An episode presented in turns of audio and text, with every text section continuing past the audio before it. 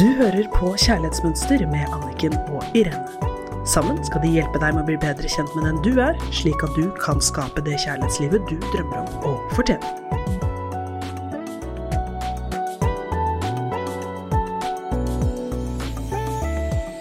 Hei og hjertelig velkommen til Kjærlighetsmønster her i studio med Irene Hesling og Anniken Lien Mathisen.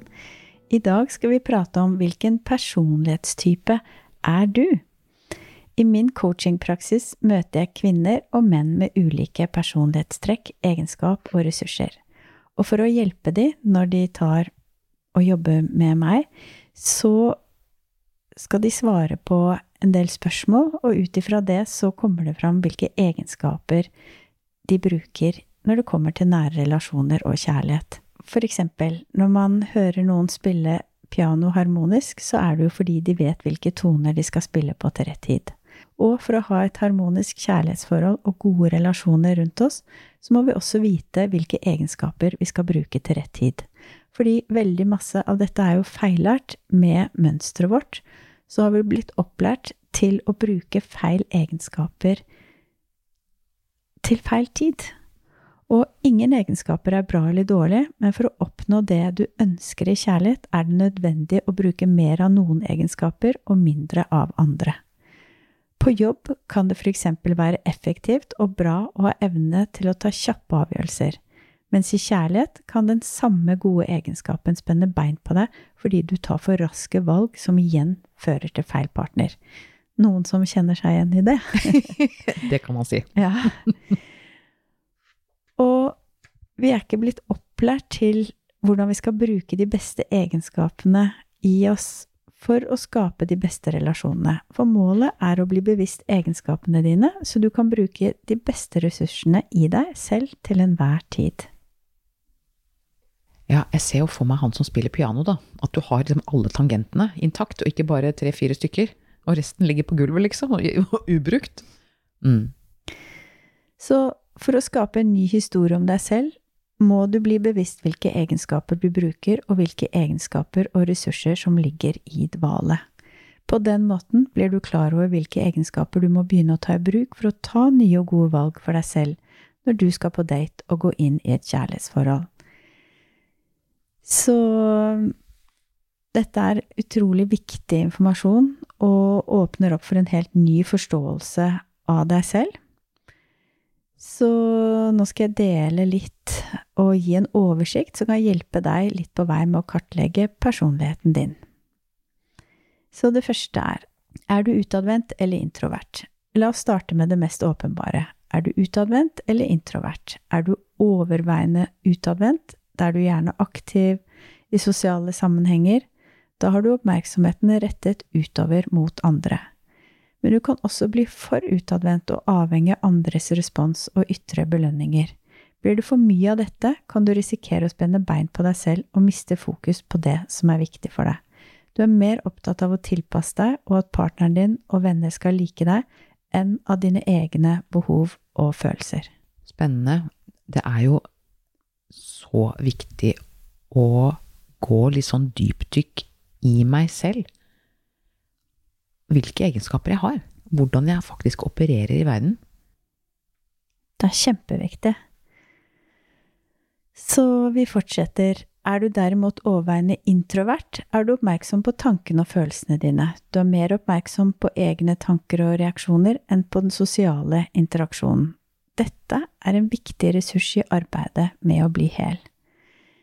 Det betyr at du kan fortsatt selvfølgelig være sosial og elske å være sammen med andre. Det er veldig positivt, men du skal begynne å ha først oppmerksomhet på dine følelser og behov før de andres. Igjen, som vi har pratet om før, det er som å ta på seg surstoffmasken på flyet først, og så hjelpe de andre. Høres det uvant ut? Høres det kanskje til og med egoistisk ut? Det er ikke det. Det er livsnødvendig for å kunne skape et godt kjærlighetsliv og være en god partner. For å kunne være den beste partneren og versjonen av oss selv, må vi ta ansvar for oss selv og dekke egne behov og følelser. Da har vi så mye mer å gi til en partner og dem rundt oss.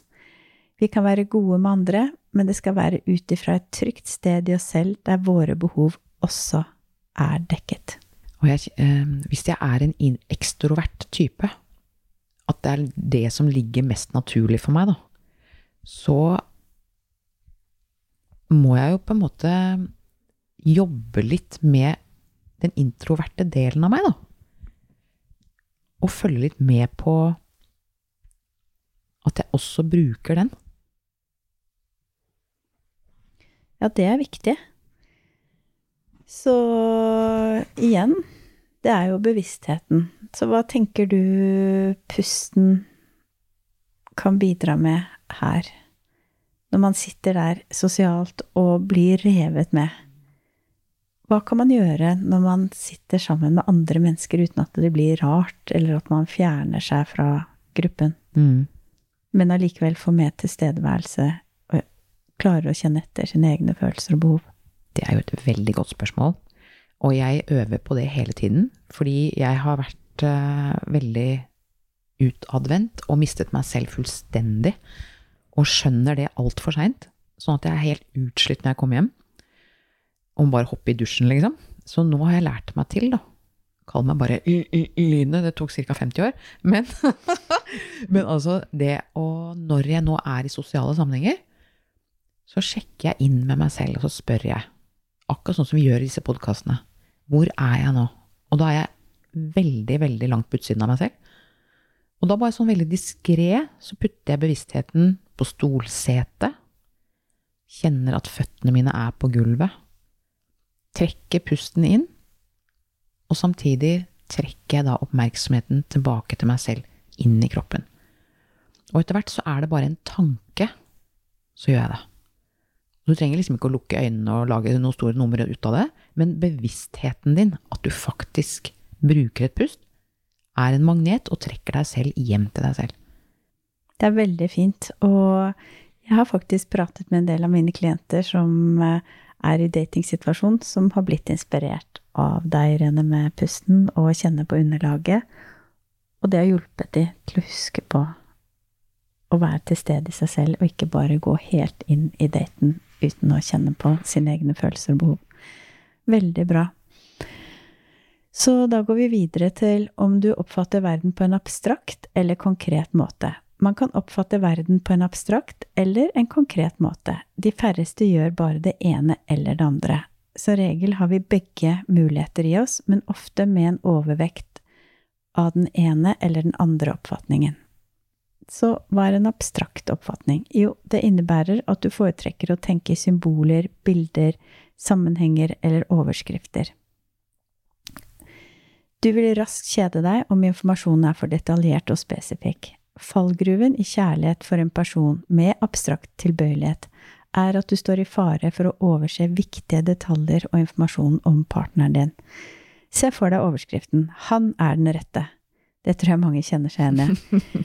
Men når du leser artikkelen under overskriften, får du mye informasjon som beviser at han eller hun ikke er den rette. Når du har et abstrakt oppfatningsmønster, må du øve deg på å være mer konkret rundt oppfatningen din av en partner for å ta de beste valgene for deg selv. Har du derimot et konkret oppfatningsmønster, betyr det at din måte å oppfatte og ta inn verden på er preget av at du sanser og tar inn mange detaljer og bruker mange beskrivende ord og begreper. Du er oppmerksom på når og hvordan og hva. Dette er en viktig ressurs å bruke i begynnelsen av et forhold, og når du er i et forhold der du har utfordringer. Husk på det. Det hjelper deg å bli bevisst hvordan den andre personen er, om dette virkelig er den rette for deg, eller om du feiltolker personen. For å bli mer konkret i måten å oppfatte på, må du i stedet for å komme til raske konklusjoner begynne å forholde deg til denne partneren helt konkret. Hvordan føles det når dere er sammen? Her kan du bli lurt hvis du er veldig forelsket, så prøv å bruke fornuften. Hva gjør han, hva gjør jeg? Er han like omsorgsfull som meg? Er han interessert i meg? Er jeg interessert i han? Hvordan viser han eller hun at vi er et bra team? Hva gjør han eller hun helt konkret, og når? Hvordan viser han eller hun at han er omsorgsfull overfor meg? Hva gjør han eller hun helt konkret, og når? Og hvordan viser jeg at jeg er omsorgsfull og på team med han eller henne? Hva gjør jeg helt konkret, og når gjør jeg det? Bruker du den konkrete delen av deg selv, er det en veldig god ressurs for kvalitetssikring. Kvalitetssikring, med det mener jeg at du er bevisst, helt konkret. Det er ikke bare en abstrakt konklusjon. Er du vanligvis abstrakt i tankegangen, er det lett at du tenker 'Å, han er den rette', eller 'Å, han eller hun er så irriterende'. Da må du prøve å se mer konkret på ting. Hvordan behandler han meg? Hvordan behandler jeg han eller henne? Hvordan føler jeg meg? Igjen kan forelskelsen lure deg, og da må du prøve å bruke fornuften. Stemmer overskriften med at han eller hun er den rette, hvis partneren snur ryggen til deg når du er lei deg om kvelden? Hvis de ikke sender deg en melding, eller ikke vil ha god samtale med deg når det er viktig for deg, er dette fortsatt den rette? Å være mer konkret er et verktøy som ofte hjelper mange. Det er veldig spennende. Det er jo et studium. Altså, én ting er at det er et selvstudium, men det er igjen så, så, blir jeg bare så inspirert av deg, Anniken, hvordan det er det å gå systematisk til verks. Og som du jo sier så mange ganger, at vi gjør jo det når vi skal ta en mastergrad, eller når vi men, Er på jobb. Altså, ikke sant? Ja. Men i kjærlighetslivet så er det så er det helt i hytt og pine. Ja, det er helt fascinerende. Mm. Jeg, jeg, vet jo, jeg, jeg er helt blåst av banen, også over meg selv, hvor utrolig ubevisst og ureflektert. Og jeg har ikke visst at jeg har vært engang. Ikke ant hva jeg skulle gjøre. Nei, og det som er så spennende, er jo at når du skjønner det, så er det jo ikke så rart at kjærlighetslivet er komplisert. Og at man ikke får det til. Det er lotto, liksom. Ja. jeg tenker jo ofte at det er matematikk. Jeg liker det veldig godt. Og det går mer og mer opp for meg etter hvert som jeg jobber nå dypt ned i dette temaet og i boka, at eh, eh, det, det, er en veldig, det er en veldig trygg tanke. At det, det, ikke er bare helt tilfeldig, basert på følelser. Det er, det er, noe veldig, veldig sånn Ja, det er litt sånn trygt. Jeg kjenner at jeg er liksom en båt som da liksom fortøyer meg til betongkaia, ikke en flytebrygge, liksom. Ja, og det veldig mange av mine klienter sier, at det gir dem også håp for første gang. Virkelig. Og, ja, og det er så viktig. Fordi det er jo ut ifra håp og inspirasjon og kjærlighet at vi kan skape det vi ønsker oss. Vitenskapsmenn har jo målt at når vi er oppi disse positive energiene som håp og glede og kjærlighet, så er det målbare energier som gjør at vi kan skape. Så det er den riktige veien å gå. Og det er som du sier, det er trygt, fordi det er et system på det. Det er ikke bare helt random og helt tilfeldig, det som skjer meg. Igjen, mitt kjærlighetsliv skjer gjennom meg, og ikke tilfeldigvis med meg. Så vi fortsetter. Hva motiverer deg? Tar du stort sett beslutninger basert på følelser, er du antageligvis veldig omsorgsfull og sensitiv, men å la følelsene ta valget dine i kjærligheten kan ofte føre til feil valg. Det er fordi vi alle har bevis på at det å være forelsket noen ikke er det samme som at vi har funnet den rette. For å kunne ta gode, sunne valg må vi basere beslutningene våre på like deler fornuft og logikk. Du må ta i bruk den logiske og fornuftige siden din. Det betyr ikke at du ikke skal være forelsket eller tent på en partner, det betyr bare at du må være smart, så du ikke velger en partner med egenskaper du vet ut ifra erfaring at det ikke vil fungere med. Jeg skal dele litt flere av disse egenskapene som jeg gjør i den testen med mine klienter. Er du en som går etter motsetninger og kontraster? Foretrekker du forandringer, unngår helst tilstand og stabilitet? Kommunikasjonsmessig har du fokus på forskjeller og ulikheter og reagerer gjerne med motsigelser. Har du vokst opp med nære relasjoner som er veldig ulike deg, og som ikke har sett behovene dine, er det veldig sannsynlig at du velger og klarer å bo med en partner som er vidt forskjellig fra deg. Du er vant til utfordringer og vil lettere akseptere at du ikke blir møtt på behovene og følelsene dine. Mens motiveres du av stabilitet, da er du ofte teamorientert og liker å komme til enighet. Du har det best med mennesker som er ganske lik deg selv, og har mange av de samme verdiene som deg. Det tok meg mange år å finne ut at jeg hadde det best når jeg var sammen med folk som var lik meg. Jeg vokste opp med en far som var så forskjellig fra meg, og deretter var jeg i mange forhold med menn som også var veldig annerledes enn meg. Jeg trodde hele tiden at det var noe galt med meg, at jeg måtte tilpasse meg. Det var altså så enorm lettelse da jeg forsto at grunnen til at jeg hadde det så vanskelig i kjærlighetsforhold, var at vi var så grunnleggende forskjellige. Det kan se ut som at de fleste av oss har det best når vi er sammen med folk som er lik oss selv. Så går vi videre. Er du spontan? Er du kjapp? Hurtig? Igangsettende? Du formulerer det ofte med korte og klare setninger, du har kort reaksjonstid. Dette gjør antageligvis at du er veldig effektiv og får gjort mye. Igjen, veldig god egenskap. Men i valgene du tar i kjærlighet og nære relasjoner, kan dette bety at du handler altfor raskt og impulsivt uten å tenke deg om. Da bør du bruke den reflekterende siden din. Det kan være en fordel å bli mer overveiende og avventende. Tenk deg godt om. Ta deg tid til å reflektere og finne ut om denne personen har egenskaper du vet basert på tidligere erfaring fungerer eller ikke fungerer for deg. Da hopper du ikke like lett inn i noe som ikke er bra for deg. Så du ser det er utrolig viktig å bli bevisst hvilke egenskaper bruker jeg i kjærlighet og i nære relasjoner. Og denne testen her er så bra og en viktig del av coachingkurset jeg har for å bli bedre kjent med deg selv og klare å ta nye og gode, sunne valg i kjærlighet. Så da har jeg delt litt av det. Det er mange flere egenskaper som vi går igjennom, men det er det vi rekker i dag. Og det vi skal huske på, er at ingen av disse egenskapene er positive eller negative i seg selv. Egenskapene våre er i utgangspunktet nøytrale. Én egenskap kan være svært positiv og nyttig i jobbsammenheng, men den samme egenskapen kan rett og slett spenne beina på deg og ødelegge og få deg til å ta feil valg i kjærlighet. Derfor er det så ekstremt viktig å bli bevisst på når du skal bruke hvilke egenskaper. Og så går det liksom litt opp for meg at det å se på samme ting med alle de forskjellige redskapene én og én, det fikk jeg veldig lyst til å gjøre nå.